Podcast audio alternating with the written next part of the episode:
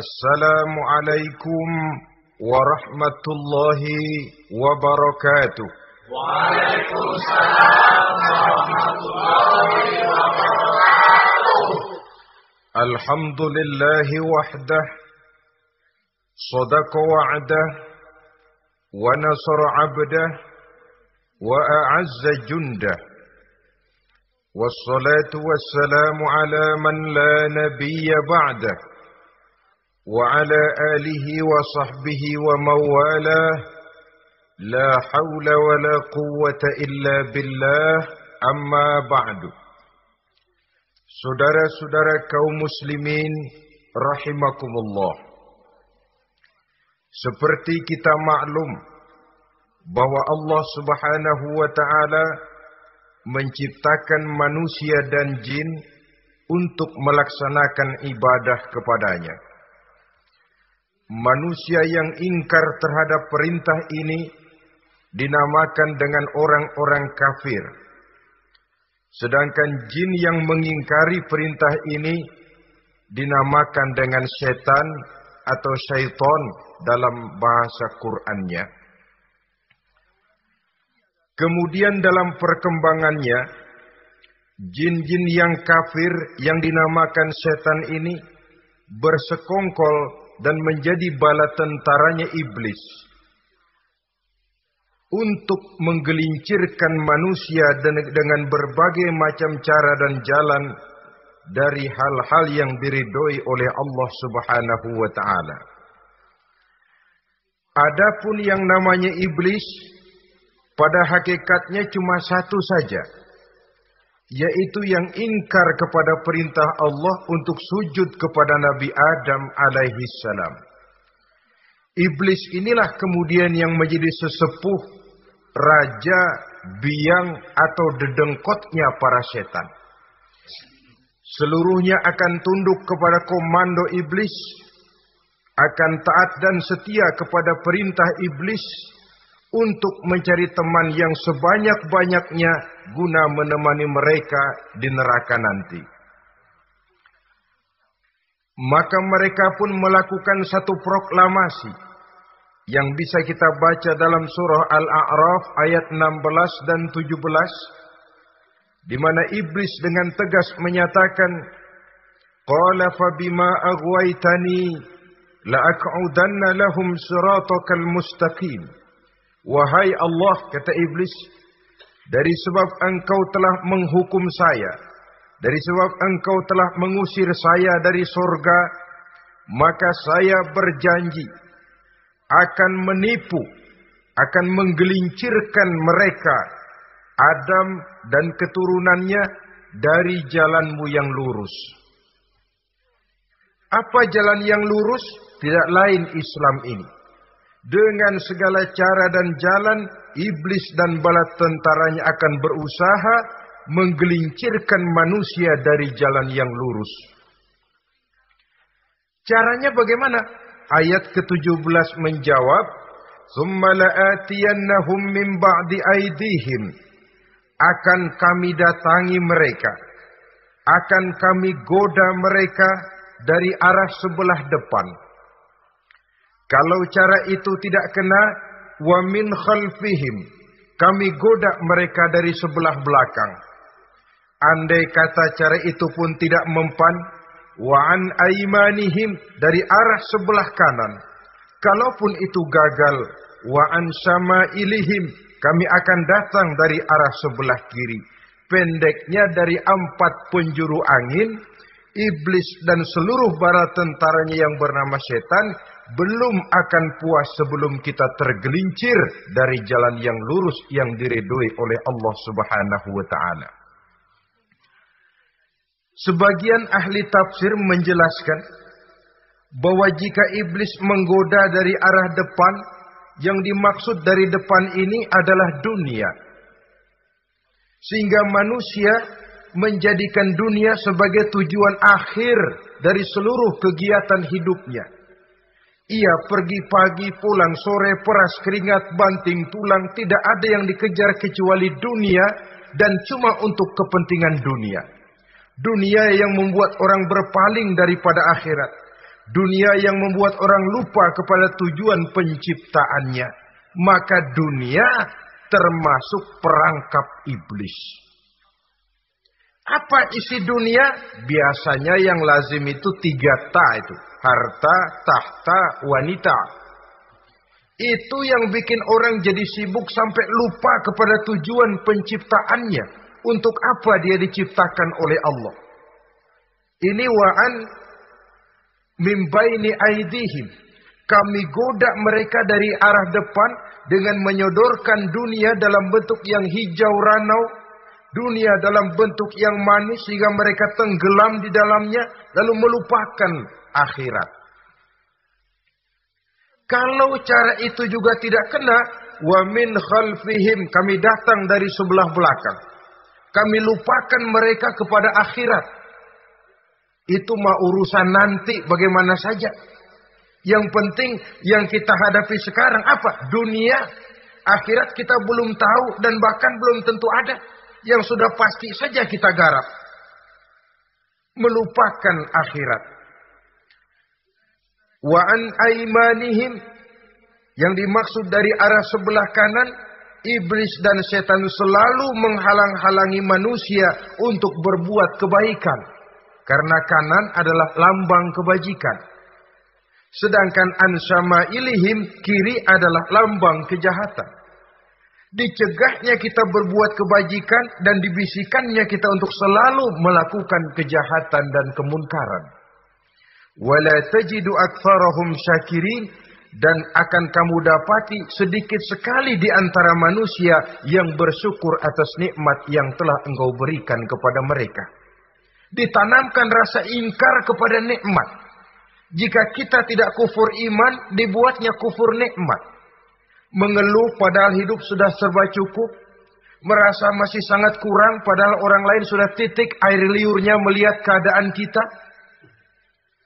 Sedikit sekali di antara mereka yang pandai bersyukur kepada nikmat yang telah engkau berikan itu ya Allah. Jadi untuk ingkar nikmat bisikan selalu datang dari iblis. Coba lihat itu Temanmu yang tidak pernah sholat rezekinya lancar, kamu berhenti saja sholat. Yang tidak pernah ke masjid pangkatnya naik terus, udah berhenti aja ke masjid. Atau setidak-tidaknya mengeluh dalam hati, Tuhan kayaknya tidak adil, kenapa saya rajin sholat kok rezeki seret benar. Padahal pada dasarnya kalau kita mau berpikir dalam bentuk yang paling mendasar, Allah selalu memberikan yang terbaik untuk kita. Jika begini keadaan kita, inilah yang terbaik buat kita menurut pertimbangan Allah. Jika kita menuntut lebih lagi, mungkin dengan keadaan yang lebih itu kita bisa tergelincir dan Allah lebih tahu itu. Sebagai pencipta manusia Allah lebih tahu tentang kemungkinan-kemungkinan yang bisa didapat dan dicapai oleh manusia. Bahasa ringannya, rezeki lu segini aja deh, lu jadi rajin sholat. Kalau rezeki lu melebihan jadi orang kaya dikit, nanti ngelihat masjid minggir. Allah selalu memberikan yang terbaik kepada kita. Saudara-saudara kaum muslimin, Adapun iblis dan setan sudah menyadari betul bahwa iblis dan setan tempatnya di akhirat nanti jelas neraka. Itu mereka sudah sadari betul.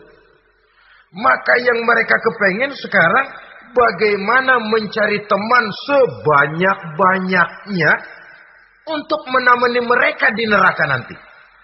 Nah inilah yang menyebabkan mereka berjibaku betul Bahkan ada satu riwayat itu ada waktu-waktu tertentu di mana para setan ini laporan kepada iblis. Kalau ada yang laporan gagal, bukan main marahnya si iblis ini selaku komandan. Kata setan, Pak, saya gagal menggoda si Fulan karena imannya kuat. Goblok kamu.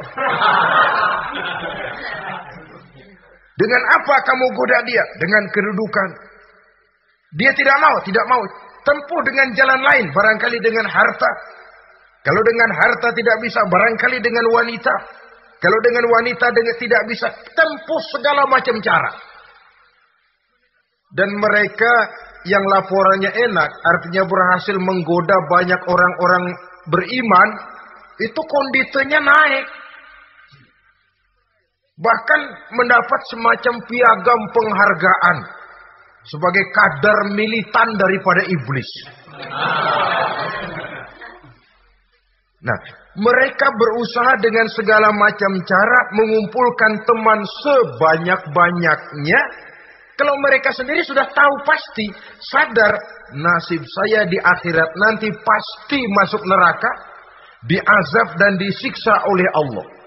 Cuma saya begini ini lantaran ulahnya Nabi Adam dulu. Maka anak-anak cucu Nabi Adam harus menjadi teman-teman saya sebanyak-banyaknya guna menemani saya di dalam neraka. Oleh karena itu, pada kesempatan pertemuan saat ini, kita akan membicarakan siapa sih teman-teman setan itu. Diriwayatkan dari Wahab bin Munabbih bahwa pada satu hari iblis diperintahkan oleh Allah untuk datang kepada baginda Rasulullah sallallahu alaihi wasallam dan menjawab segala pertanyaan yang diajukan oleh baginda Nabi. Datang iblis dalam bentuk orang tua pakai tongkat. Jadi iblis itu bisa malih warna, dia termasuk termasuk jenis makhluk halus toh, seperti halnya jin dan malaikat itu bisa malih warna sesuai dengan yang mereka kehendaki. Ketika datang baginda Nabi bertanya, "Man anta?" Siapa kamu? Dia jawab, "Ana iblis." Saya iblis. Jujur. Lima ji'ta? Mau apa kamu datang kemari? Kata baginda Nabi. Dijawab oleh iblis, Inna Allah amaroni an atika wa ujibaka an kulli ma sa'altani. Allah memerintahkan saya untuk datang kepadamu dan menjawab segala pertanyaan yang engkau ajukan kepada saya. Nah, atas pernyataan ini baginda Rasul kemudian bertanya dengan dua pertanyaan. Pertanyaan pertama iblis, kam ikhwanuka min ummati? Ada berapa sih teman-temanmu dari golongan umatku? Dari golongan umatku, umat Islam ini. Bukan orang lain. Kalau orang kafir sih sudah jelas. Itu memang CS-nya iblis. Tapi dari umatku. Siapa saja yang jadi teman-teman kamu iblis. Menjadi antekmu, menjadi alatmu sejak dari dunia sampai ke neraka nanti. Atas pertanyaan ini iblis menjawab, teman-teman saya dari golongan umatmu ya Muhammad, asyarun, ada sepuluh orang. Ada sepuluh orang yang merupakan teman-teman iblis dari dunia sampai ke neraka. Siapa mereka? Pertama kata iblis teman saya hakimun jair. Hakim yang curang. Hakim yang tidak adil. Ini bisa dimaklumi. Kenapa? Karena hakim diharapkan adalah produk keadilan. Sehingga orang mengatakan seorang hakim adalah seorang yang meletakkan sebelah kakinya di sorga dan sebelah lagi di neraka. Kalau adil dia menghukum, kaki sebelah kanan yang akan menentukannya ke sorga. Kalau licik dia menghukum, kaki sebelah kiri yang akan menjerumuskan dia ke dalam neraka. Saudara-saudara kaum muslimin rahimakumullah. Sesungguhnya dalam kehidupan Kurangnya sandang pangan bukan satunya-satunya sebab yang membuat orang menderita. Tidak teraturnya perumahan, kurangnya lapangan kerja bukan satu-satunya yang menyebabkan rakyat menderita. Tapi lukanya rasa keadilan. Tidak tegaknya hukum sebagaimana yang diharapkan. Itu juga bisa menjadi sumber nestapa, bisa menjadi asal dari segala derita. Oleh karena itu, hakim yang tidak adil, hakim yang curang, yang menghukum tidak berdasarkan hukum, tapi berdasarkan kepentingan, berdasarkan pesan sponsor, hukum bisa dibeli, ada istilah mafia peradilan. Hakim-hakim macam ini yang akan menjadi teman-teman iblis. Dan tiap kali palu akan diketuk, iblis sudah bukan main sibuknya. Kekuasaan di tanganmu, hijau katamu, hijau yang akan berlaku, merah kau ketok, merah yang akan jadi keputusan. Orang lain tidak tahu ini kesempatan untuk jadi kaya, ini kesempatan untuk naik pangkat. Manipulir hukum tidak ada yang tahu karena orang banyak yang awam dengan hukum. Saudara-saudara kaum muslimin, kalau hukum sudah bisa dibeli, atau kalau hukum cuma untuk orang-orang kecil saja. Ada kelompok-kelompok yang kebal hukum. Maka akan timbullah kiamat di masyarakat. Di mana yang kuat makin kuat. Yang lemah selalu menjadi mangsa. Oleh karenanya hakim yang serong. Hakim yang durjana merupakan teman-teman setan. Merupakan teman-teman iblis dari dunia sampai ke neraka nanti. Ini yang pertama. Oleh karenanya, pada dasarnya setiap kita adalah hakim. Untuk keluarga, dalam pergaulan, hendaklah adil di dalam memutuskan segala sesuatu. Lebih-lebih hakim yang memang menjadi pengayom masyarakat. Bukankah lambang para hakim digambarkan dalam bentuk neraca yang berimbang. Tidak berat ke kiri, tidak juga berat ke kanan. Dalam arti objektif memberikan keputusan sesuai dengan hukum. Sehingga masyarakat terlindungi. Dan hakim yang adil secara praktis adalah musuh daripada setan. Di mana pun setan dan iblis paling gak demen sama hakim yang adil. Itu merupakan musuh besar bagi setan. Yang menyalahkan yang salah, membenarkan yang benar. Walaupun yang salah orang besar, yang benar orang kecil. Dan kita memang oleh baginda Nabi diajarkan satu doa. Allahumma arinal haqqa haqqa warzuqna tiba'ah.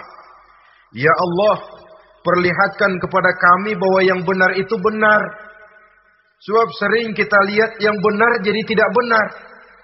Ini memerlukan kekuatan batin yang benar tampakkan kepada kami kebenarannya ya Allah. Sebab sekarang banyak ketidakbenaran yang dikamuflase. Banyak ketidakbenaran yang diberikan lipstick. Sehingga kelihatannya menjadi benar. Ini baik doa ini saya pikir dibaca oleh para hakim. Allahumma arinal haqqa haqqa. Ya Allah, perlihatkan kepada saya bahwa yang benar itu benar. Dan tidak cuma sekedar itu, warzuk nittiba'ah. Berikan kekuatan kepada saya untuk mengikuti kebenaran itu. Sebab kadang-kadang terjadi juga dia tahu yang benar itu benar, tapi tidak punya keberanian moral untuk mengatakan bahwa itu benar. Dia tahu itu barang yang hak, tapi tidak terpanggil mengikuti yang hak, tidak punya kekuatan moral untuk mengikutinya. Lalu doa ini pun disambung. Wa arinal batila batilan. Wahai Allah perlihatkan kepada kami bahwa yang batil adalah batil. Bahwa yang salah adalah salah. Bahwa yang munkar adalah munkar. Berikan kepada kami kekuatan untuk menjauhi yang munkar yang batil, yang zalim. Saudara-saudara kaum muslimin rahimakumullah. Kita sering mencaci kaum pelacur sebagai sampah masyarakat. Tapi sadarkah kita bahwa pelacuran di bidang hukum, pelacuran di bidang intelektual, kadang-kadang pelacuran di bidang agama, dalam arti menjual ayat untuk membela yang salah dan menekan yang benar. Ini juga tidak kalah bahayanya dengan prostitusi, pelacur-pelacur yang kita anggap sebagai sampah daripada kehidupan masyarakat itu. Oleh karenanya, maka hakim yang adil merupakan musuh utama daripada iblis dan setan. Mereka akan sibuk sekali kalau seorang hakim sudah berketetapan untuk melahirkan keputusan hukum yang seadil-adilnya. Ini yang pertama, teman setan adalah hakim yang nyeleweng, yang tidak adil. Yang kedua, teman saya kata iblis, ghaniyun mutakabbir. Orang kaya yang sombong. Orang kaya sombong itu teman setan. Orang miskin sombong itu lebih teman lagi tuh. Sebab ini sudah kelewatan. Kalau orang kaya sombong barangkali ya, barangkali masih lumayan lah, memang kaya. Tapi kalau sudah miskin, sombong, minta ampun. Orang kaya yang sombong adalah musuh iblis. Sebab pada hakikatnya tidak ada yang kaya dalam kehidupan ini kalau sudah bercermin kepada apa sih yang kita punya.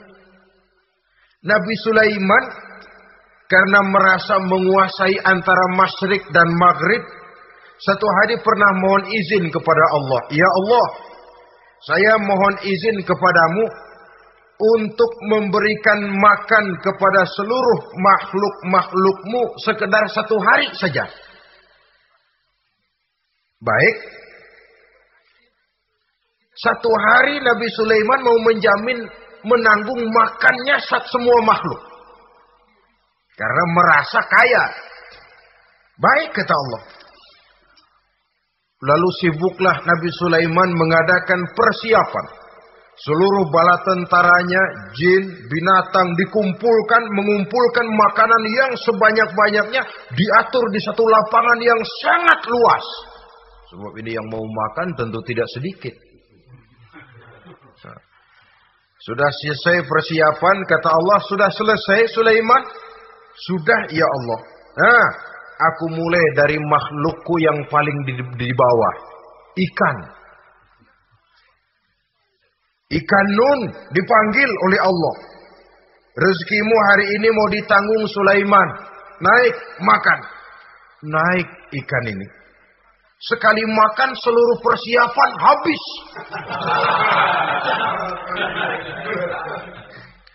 Goleng kepala Nabi Sulaiman beliau sadar lalu sujud maha kaya engkau ya Allah. Boro-boro nanggung makanan semua makhluk hidup sehari. Ikan satu nggak keurusan.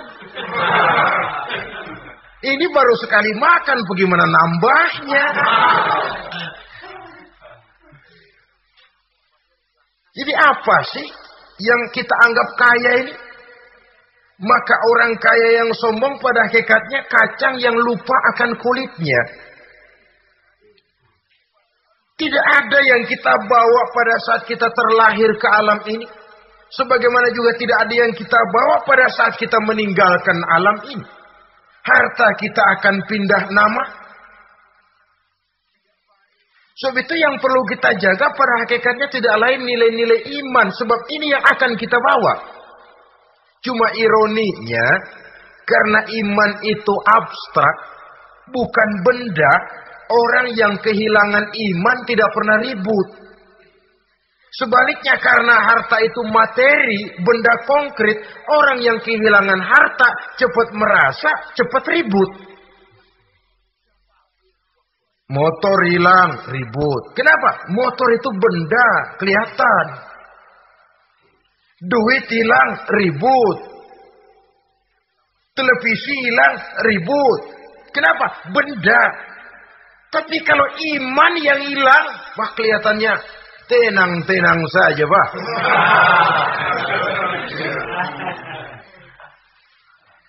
Padahal ini usaha iblis bagaimana orang kehilangan iman menjadi kafir masuk grup dia untuk menemani dia di dalam neraka nanti. Dia gelincirkan iman kita dan kita sering tanpa terasa telah mengalami pergeseran nilai-nilai iman kalau tidak tergusur sama sekali. Cuma saya katakan tadi oleh karena iman ini bukan benda, orang yang kehilangan iman kurang begitu merasa. Padahal ini yang paling berharga. Sebab ini yang akan kita bawa menghadap Allah. Orang itu kalau sudah yakhruju minad dunya bighairi iman, keluar dari dunia, meninggalkan dunia dan seluruh isinya kembali menghadap Allah dengan tidak membawa iman, tempatnya jelas sudah. Itu yang paling kita khawatir. Pangkat jelas tidak kita bawa. Harta benda akan pindah nama jadi milik ahli waris kita. Tiba-tiba iman yang cuma satu itu tempat kita bergantung hilang juga dari diri kita. Dengan apa kita mau menghadap Allah? Dan kemalangan apa yang lebih besar dari orang-orang yang telah kehilangan iman pada saat dia menghadap Allah Subhanahu wa taala. Karena itu, saudara-saudara, terutama yang diberikan amanah berupa harta oleh Allah dalam kehidupan ini, Bersyukurlah kalau saudara diberikan kepercayaan oleh Allah untuk menyalurkan rezeki kepada orang lain. Seperti kran yang nyimpen air tapi tidak untuk dirinya disalurkan kepada yang memerlukannya. Rezeki dia cuma lewat tangan saya. Rezeki dia cuma lewat tangan saya. Berbahagialah orang kalau dipercayai Allah untuk menyalurkan rezeki kepada orang lain. Artinya agen Wong ditunjuk jadi agen Allah kok nggak bangga? Kalau sudah kemari cara berpikir, insya Allah rasa bakhil bin pelit alias medit bin koret.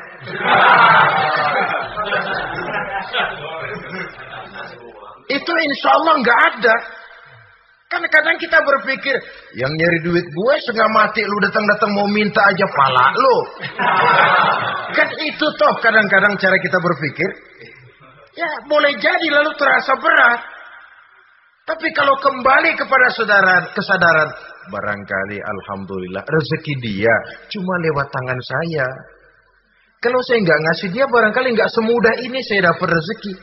Allah mudahkan rezeki saya karena saya sering membantu orang-orang yang memang memerlukannya. Andai kata saya nggak membantu mereka, belum tentu rezeki selancar ini. Tidak lalu, enak aja. Peras keringat gua banting tulang pergi pagi pulang sore lu datang-datang nada aja. Berbahagialah orang jika jikalau sekali lagi dia dijadikan agen oleh Allah untuk menyalurkan rezeki kepada mereka yang memang memerlukannya. Kalau tidak ke arah itu kita berpikir yang timbul bakhil. Bakhil lalu bermegah-megah dengan hartanya timbul kesombongan. Senang lihat orang susah. Lalu dia sendiri dengan hartanya cuma to show only. Pameran. Lewat di kampung, senang kalau orang melotot, lihat mobilnya yang serba mengkilap, sepatunya yang serba mahal. Senang kalau, wah, semua gaya hidupnya serba jet set. Wah, wah, wah. Senang betul kalau melihat orang sudah serba bengong melihat keadaan dia. Timbul takaburnya, sombongnya. Ngenyek kepada yang lain. Maka orang kaya yang sombong, teman iblis, teman setan. Setan senang betul. Sebaliknya secara praktis, orang kaya yang rendah hati adalah musuh iblis. Saudara-saudara kaum muslimin rahimakumullah. Lain memang kalau kita diberikan ilmu di akhirat nanti pertanyaan cuma satu. Ilmumu kau amalkan untuk apa? Kalau kita diberikan umur panjang, pertanyaan akhirat satu saja. Umurmu kau habiskan di mana? Tapi kalau sudah harta diberikan kepada kita, pertanyaan akhirat dua. Min aina iktasabahu wa fima anfaqahu. Hartamu kau dapat dari mana, kau belanjakan ke mana. Depan belakang ditanya. Yang ketiga, teman iblis itu tajirun khain. Pedagang yang berkhianat. Baik kepada sesama teman pedagangnya karena ingin lebih maju dari yang lain. Terjadi persaingan yang tidak sehat di berbagai bidang bisnis ataupun kepada para pembelinya dengan mengatakan barang yang baik adalah barang yang tidak baik menjadi baik. Sebab pada dasarnya apabila kaum pengusaha sudah berkhianat akan timbul kegoncangan ekonomi. Dan kegoncangan ekonomi dampaknya adalah melahirkan kelas-kelas kemiskinan. Kemiskinan merupakan satu perangkap iblis. Biasanya orang kalau udah melarat udah dekat banget sama kafir. Kalau tidak dilatar belakangi oleh nilai iman yang kuat. Udah melarat udah dekat benar dah sama kafir. Apalagi iblis ini menggodanya pandai dia. Kepada orang miskin dia datang dengan bujukan materi. Kepada yang cukup hartanya, dia datang dengan bisikan lain. Pendeknya, iblis dan setan itu ke ibarat tukang joget, dia ngerti betul irama kendang.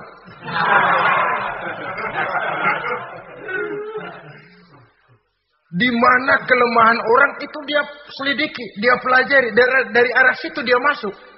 Dan secara strategi perang, iblis dan setan ini posisinya memang lebih menguntungkan daripada kita. Kenapa? Dia melihat kita, kita mah nggak lihat dia. Dia bisa pelajari kebiasaan dan kecenderungan kita. Kita nggak tahu kadang-kadang kelemahan kita. Dari arah itu dia masuk. Posisi dan strateginya lebih menguntungkan daripada kita. Saudara-saudara kaum muslimin rahimakumullah. Bila ekonomi sudah goncang, terjadi penimbunan barang, terjadi spekulasi harga. Timbullah kegoncangan sosial. Dan dikala itu setan dan iblis pesta. Dia merasa perangkapnya berhasil. Persaingan-persaingan yang tidak jujur. Yang pada dasarnya akhirnya bukan cuma merusak sistem ekonomi. Tapi juga mempengaruhi hasil kerjaan dalam tender-tender usaha-usaha besar misalnya. Oleh karena mengajar supaya dia yang mendapat proyek, dia tidak segan sogok sini, suap sana, semir sana, usap sini. Tinggal untungnya sedikit dan dia harus dapat untung besar. Akhirnya apa? Proyek yang dikerjakan cuma asal sekedar jadi. Tidak seperti standar yang ditetapkan lagi juga tidak merupakan kesalahan yang sepenuhnya harus dibebankan kepada dia. Kesalahan yang merupakan siklus. Mata rantai sudah lingkaran setan. Itulah sebabnya sering saya ungkapkan kalau manusia sudah jadi teman setan. Lebih buas daripada bajing.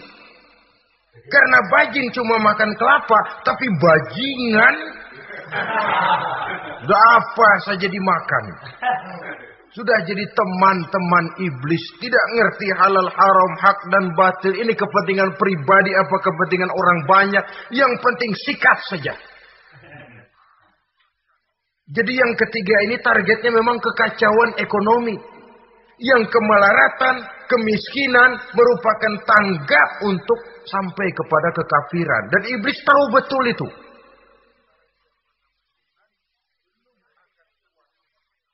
Lain misalnya contoh yang diberikan oleh Rasul. Rasul kan pernah dagang di kala remaja itu. Membawa dagangannya Siti Khadijah. Kain. Beliau dagang kain. Berapa kain ini? Oh kalau ini Saya ambil dari Ibu Khadijah 25 rupiah. Saudara mau beli saya berapa terserah asal saya ada untungnya. Dan kalau modalnya 25, betul-betul beliau bilang 25. Jujur. Kita kan enggak, udah bohong campur sumpah lagi.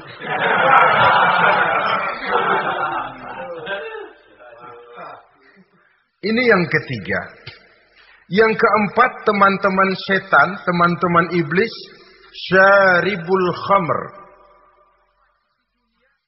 Orang yang minum arak, pemabuk, itu teman setan.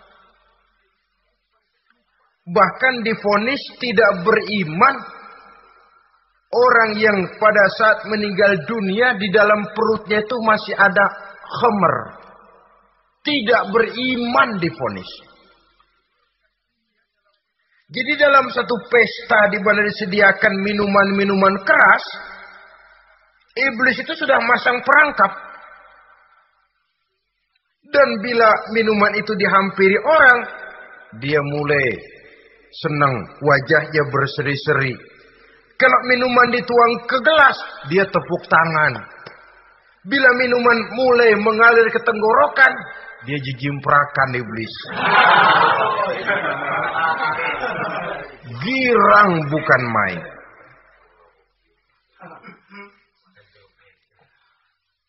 Saudara-saudara kaum muslimin rahimakumullah. Kenapa pemabuk merupakan teman setan? Karena dalam keadaan mabuk, orang kehilangan daya kontrol. Perbuatannya nyaris tidak terkontrol lagi. Tidak ada rahasia, tidak ada harga diri, tidak ada sifat memelihara, dan itu ciri-ciri daripada iblis. Syaribul khamr. Orang yang suka meminum minuman keras. Itulah sebabnya memang dalam hidup ini kita harus punya filter. Allah selalu menghendaki yang terbaik dan memilihkan yang terbaik untuk kita. Kalau sudah itu minuman yang baik kata Allah, itulah memang yang baik untuk kita. Kalau itu dilarang oleh Allah, itulah memang yang tidak baik untuk kita. Jadi kalau sudah kot'i dalilnya, nggak usah buang energi menyelidiki apa manfaatnya. Kalau sudah kot'i dilarang, nggak usah buang energi menyelidiki apa bahayanya khomer. Allah tidak akan melarang sesuatu yang mengandung manfaat. Yang dilarang Allah tentu yang membawa mudarat dan bahaya di dalam kehidupan. Bukankah sekarang ini minuman keras sudah merupakan penghias pesta? Merupakan kebanggaan di kalangan remaja? Termasuk dalam kata khamr ini ya morfin, ganja, narkotik, dan yang sejenis dengan itu. Orang sudah merasa bangga kalau sudah fly to the sky. Membumbung ke angkasa katanya dunia ini luas. Lupa segala macam persoalan. Tapi sampai kapan? Sampai kapan orang merasa membumbung? Sampai kapan orang merasa bisa meninggalkan segala persoalan? Sampai mabuknya selesai. Ya kalau gitu mabuk aja terus. Lalu apa artinya kehidupan ini? Ah, mabuk kan gak ngerugiin orang lain. Kalau saya nyolong kan ngerugiin orang lain. Kalau saya korupsi ngerugiin orang lain. Kalau saya zina jelas ada orang lain yang rugi dirugikan. Tapi minum khamar, siapa yang rugi? Uang-uang saya. Saya beli dengan uang saya, yang minum pun saya. Siapa yang rugi? Saudara, ini pemikiran sepihak namanya. Pertama jelas merugikan diri sendiri. Kesehatan terganggu, pertumbuhan IQ, ya, daya pikir jadi jumud bin beku.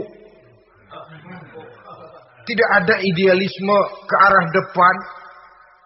Yang ada ya, yang dipikirkan ya, yang di depan hidungnya saja.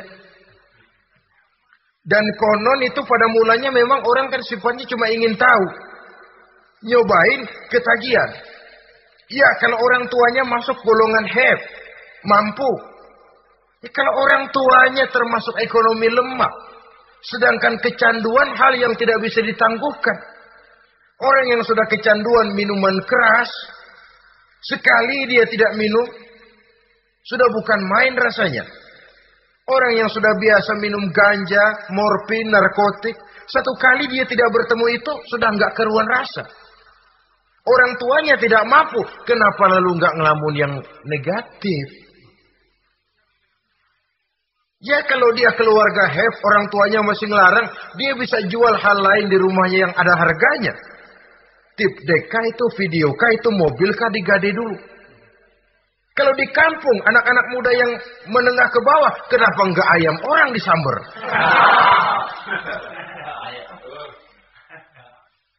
Terjadilah perbuatan negatif yang akhirnya merembet kepada merugikan orang lain.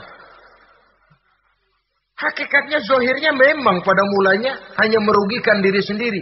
Tapi lambat laun akan merembet juga kepada merugikan orang lain.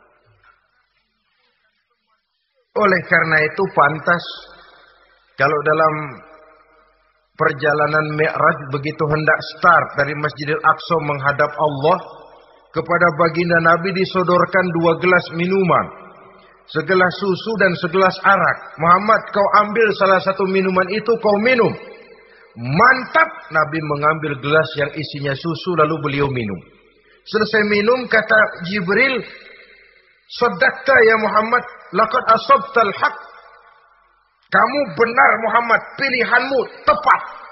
Kenapa? Untung saja susu yang kamu minum. Kalau arak yang kamu ambil, kamu pilih dan kamu minum, pasti umatmu bakal pada jadi umat teler semua nanti.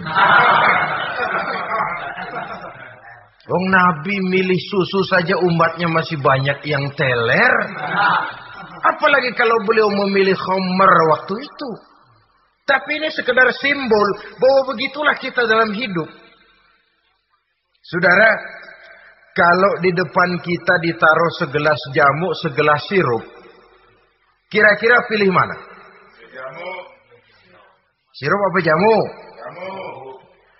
Orang yang berpikir panjang ke depan, dia bakal pilih jamu. Memang pahit, getir, nggak enak, tapi besok pagi badan enteng, kerja semangat, berpikir cerdas, gairah ada. Orang yang pikirannya pendek, ngapain jamu getir nih, sirup nih. Manis ini. Dia minum, bukan main manisnya. Besok pagi bibir pada jontor. Begitulah dalam kehidupan ini. Maka hendaknya kita berusaha dengan sekuat kemampuan untuk menghindarkan diri dari minuman keras dan pengaruh-pengaruhnya. Yang kelima, teman iblis itu al-qattat. Tukang-tukang fitnah. Itu suling iblis itu. Trompet setan. Sebab apa? Benar kalau Quran mengatakan Nabi mengatakan al fitnatu asyaddu minal qatli. Fitnah lebih bahaya dari pembunuhan. Sebab apa? Pembunuhan membunuh orang secara langsung. Fitnah membunuh orang pelan-pelan. Kalau mati mau mendingan cepat daripada pelan-pelan. Pelan-pelan mati, cepat mati enakan cepat nggak ngerasain sakit. Fitnah membunuh orang pelan-pelan. Nama baik orang hancur. Dicoreng-moreng di tengah masyarakat. Maka tukang-tukang fitnah. Teman-teman setan. Dari dunia sampai ke neraka nanti. Karena fitnah lebih bahaya daripada pembunuhan. Mengada-ada yang tidak ada diada-adakan fitnah. Melebih-lebih berita semeter jadi tiga meter, yang dua meter. Ya kalau positif, kalau negatif, fitnah. Memang orang bilang kalau kita nitip duit jangan harap lebih. Kurang bisa. Tapi kalau nitip omongan jangan harap kurang. Pas saja sudah untung itu. Biasanya lebih. Namanya omongan. Satu meter jadi dua meter, dua meter jadi tiga meter. Itu sifat dari yang namanya omongan. Kita kirim uang, udah nggak bakalan lebih dah. Ini nitip uang sama saya 50 ribu, tambahin 10 ribu. Ah, langka yang berpikir begitu. Kurang malah bisa. Enak aja nitip. Bukan kemarin pakai ongkos. Hitung ah, transport misalnya. Tapi kalau sudah nitip omongan, pas saja sudah untung loh. Biasanya malah lebih. Fitnah pernah melanda Nabi Zakaria. Fitnah pernah melanda Habil dan Qabil. Fitnah pernah melanda Nabi Ibrahim. Fitnah bahkan pernah melanda kehidupan baginda Rasulullah Sallallahu Alaihi Wasallam. Dalam peristiwa yang lazim kita kenal dengan hadisul ifki, bagaimana gosip pun sempat mengguncang rumah tangga kehidupan baginda Nabi. Sehingga pantas kalau beliau sendiri mengatakan al fitnatu asyaddu minal qatli. Fitnah itu lebih bahaya daripada pembunuhan karena fitnah membunuh orang secara pelan-pelan. Saudara-saudara kaum muslimin rahimakumullah. Lidah tidak bertulang. Sohirul jirmi azimul jurmi. Kecil bentuknya tapi besar akibatnya. Kalau kita luka karena silet dua tiga hari boleh sembuh. Tapi luka karena lidah seumur hidup kita ingat. Asal lihat orangnya ingat nih dia nih yang ngomong ke enak banget gua tandain dah.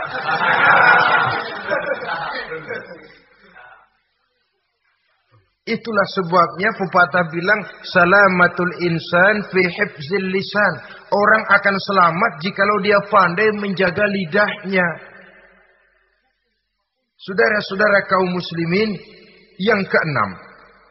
Teman setan sahibur riya. Orang yang ria beramal cuma to show only. Supaya ingin dipuji orang, ingin dilihat orang, ria namanya. Tidak ada ikhlas. Sebab kata Imam Ghazali, An-nasu kulluhum niyamun illal alimun. Wal alimuna Mauta illa al-alimun. Wal alimuna niyamun illa al-amilun. Wal amiluna mughtarruna ila al-mukhlisun.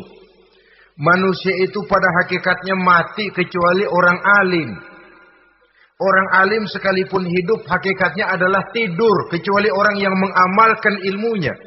Dan orang yang mengamalkan ilmunya banyak yang tertipu kecuali orang yang ikhlas. Tepat ini fatwa Imam Ghazali. Manusia hakikatnya tidur kecuali orang yang alim. Orang yang alim walaupun hidup tapi tidur. Hidup tidur. Ya nggak bisa berbuat banyak. Kecuali orang yang mengamalkan ilmunya. Dan orang yang mengamalkan ilmunya banyak yang tertipu. Kecuali yang ikhlas. Jadi kalau amal itu adalah jasad. Ikhlas itu adalah ruh. Amal tanpa ikhlas patung. Patung tidak bisa berkembang. Tidak bisa berbuat banyak namanya patung. Itu amal tanpa ikhlas. Ini termasuk penyakit batin toh ikhlas, apa ria, ujub, sum'ah, penyakit kepengen didengar orang, penyakit kepengen dilihat orang. Wah, kalau sembayangnya dilihat orang mantap betul, kayak besok mau mati. Tapi kalau sudah sembahyang yang nggak dilihat orang, wah kilat khusus. Cepat bukan main. Ria. Ini yang menghancurkan amal ini nggak terasa. Sifat kita sendiri. Ria ini menggeragoti amal. Sebagaimana api menggeragoti kayu bakar. Yang ketujuh. Teman setan akilu malil yatim. Orang yang memakan harta anak yatim. Itu setan senang betul itu. Dia bisikan lah kau kan ngurus anak yatim. Ah, kau sudah menanamkan budi kepada mereka. Jadi wajar kalau kau ambil bagian. Mula-mula memang dalam batas yang wajar. Makin lama malah berebut sama yatimnya. Makin kesonoin, yatimnya malah nggak keduman, panitianya yang kenyang. Akilu malil yatim, orang yang memakan harta anak yatim secara zolim, ini merupakan teman setan. Sebaliknya, orang yang melindungi anak yatim, kata Nabi, seperti dua jari ini dengan aku di akhirat nanti. Dekat derajatnya dengan Rasul. Yang kedelapan, teman setan al-mutahawinu bis Orang yang nganggap enteng sholat. Nyenteng-nyentengin sholat. Nanti aja dah kalau udah tua-tuaan ah bayang mah gampang saban sari ada. kalau ini nih tinju jarang-jarang. Al-mutahawin. Nyenteng-nyentengin. Pada dasarnya agama itu mudah. Jangan dipersulit, tapi juga jangan dipermudah. Agama itu tidak berat. Jangan diberat-beratin, tapi juga jangan dienteng-entengin. So yang enteng kalau kita entengin akhirnya menganggap remeh. Mulanya memang sedikit, makin lama makin banyak, makin lama makin banyak, makin bertumpuk. Apalagi kalau sadar kita sholat adalah tiang daripada agama. Bagaimana rumah akan tegak tanpa tiang yang kuat. Bagaimana agama akan tegak dalam diri seseorang kalau sholatnya dia enteng-entengi. Jangankan yang sunnah, yang wajib saja. Kadang-kadang tutup lubang gali lubang. Padahal itu merupakan tiang pokok. Rumah itu untuk kuat harus ada tiang-tiang tambahan. Tiang tambahan ini ya nawafil, ya rawatib, sholat-sholat sunnah itu. Itu untuk menjaga stabilitas temperatur batin kita kepada Allah.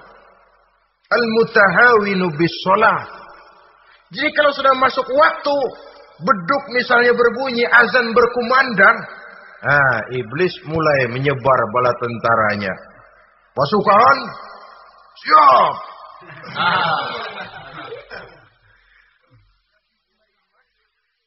Kama yang dagang dia bisikin.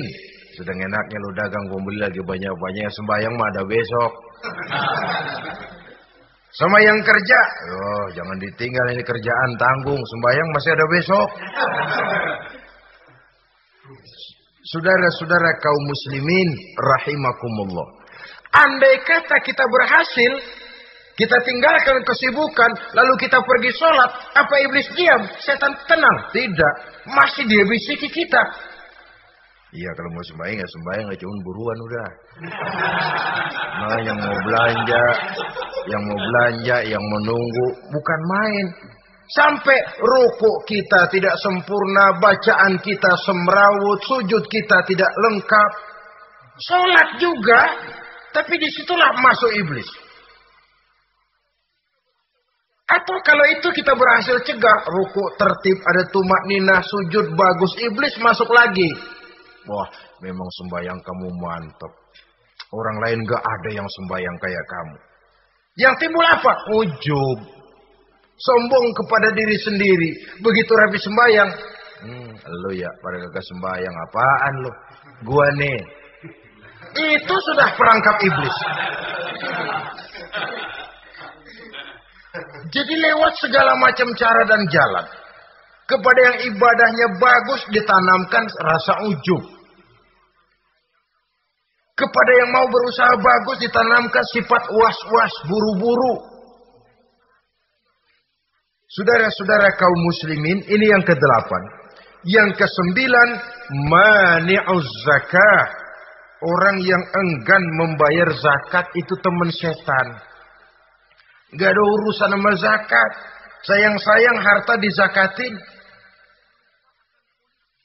Saudara-saudara, padahal zakat itu kata Nabi zaku amwalakum biz zakat. Bersihkan hartamu dengan zakat. Jadi barangkali bercampur harta itu dengan sedikit yang tidak baik, bercampur dengan yang kotor. Zakat itu membersihkan yang lain. Kita misalnya dalam satu kelas punya murid 40 orang, 42 orang, ada dua orang yang bandel, nggak ketulungan. Sudah segala macam cara kita perbaiki, nggak juga berhasil. Ini kan kalau nggak diatasi kan mempengaruhi yang teman-teman yang 40 orang. Untuk menyelamatkan yang 40 ini, nggak apa-apa yang dua keluarin. Bikin pemecatan, anak saudara kami sudah tidak sanggup lagi mengajar. Dengan ini kami berhentikan dari sekolah yang kami pimpin untuk menyelamatkan teman-teman yang lebih banyak. Mengeluarkan yang dua untuk menyelamatkan yang empat puluh. So kalau tidak ini nanti ngerembet yang empat puluh ngikut jadi ngeres. Itu juga harta. Zakat untuk membersihkan yang masih tersisa. Yang terakhir yang ke sepuluh teman setan, musuh teman iblis, man yutilul amal. Orang yang terlalu panjang angan-angan. Penghitung bintang di langit. Yang hidup cuma ngitung jikalau. Wiridannya cuma jikalau, jikalau, jikalau. Tidak pernah mau berbuat, cuma angan-angan kelewat panjang. Yang ngelamun kan nggak ada sekolahan, ya siapa juga bisa ngelamun. Orang bukan tidak boleh bercita-cita. Bahkan cita-cita yang mendorong kita untuk bergairah dalam kehidupan. Tapi kalau cita-cita tanpa langkah konkret, ah yang penting kan punya kemauan, lebihnya tawakal. Nggak cukup. Pernah datang ke masjid seorang sahabat. Begitu sampai dia turun dari onta langsung menghadap baginda Nabi. Nabi tanya, ontamu udah diikat belum? Belum ya Rasul. Kenapa? Saya tawakal kepada Allah. Tuh orang diomelin sama Nabi. Ikat dulu, habis gitu baru tawakal. Betul toh. Ikat dulu tuh onta, lebihnya baru tawakal. Kalau udah diikat masih lari juga, ah, itu tawakal. Lah belum diikat udah tawakal. Orang yang terlalu panjang angan-angan, yang akhirnya kalau tidak merusak cara berpikirnya, akan mendorong dia kepada perbuatan yang negatif untuk mewujudkan angan-angannya itu. Macam misalnya ya, pakaian kepengen bagus, harta mau banyak, hak apa usaha oga, kerja capek sedikit tidak mau, kepengen seperti orang-orang, lalu ngelamun. Kalau tidak jadi gila, dia merusak perbuatannya. Kan berapa banyak orang yang kepengen kaya gagal lalu jadi sableng. Kertas koran ditumpukin dikantongin dia kira gepokan duit. Hawanya duit udah banyak aja. Tulul aman, terlalu panjang angan-angan. Nah, saudara-saudara, kalau kita sudah tahu itulah teman-teman setan, teman-teman iblis, mari kita berusaha jangan Termasuk salah satu di antara sepuluh orang yang menjadi teman-teman iblis ini. Lalu cara untuk mengatasinya bagaimana? Imam Al-Ghazali rahimahullah memberikan tuntunan. Pertama untuk mengatasi perangkap setan, jangan sampai kita termasuk salah satu teman setan, zikrullah. Banyak ingat kepada Allah. Sebab Nabi bersabda, Inna zikrallahi ta'ala fi janbi syaitan kal akillati fi janbi ibni Adam. Sesungguhnya zikrullah, zikir kepada Allah itu dapat menyakiti setan sebagaimana penyakit menyakiti lambung anak Adam.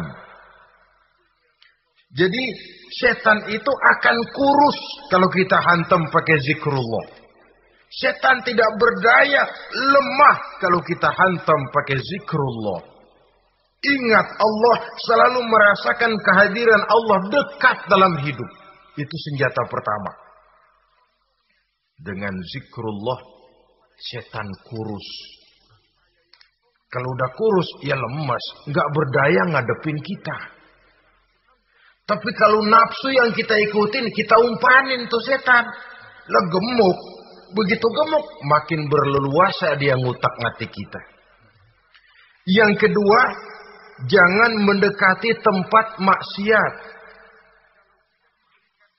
Sebab man hama haulal hima yusiku ayyaqafi.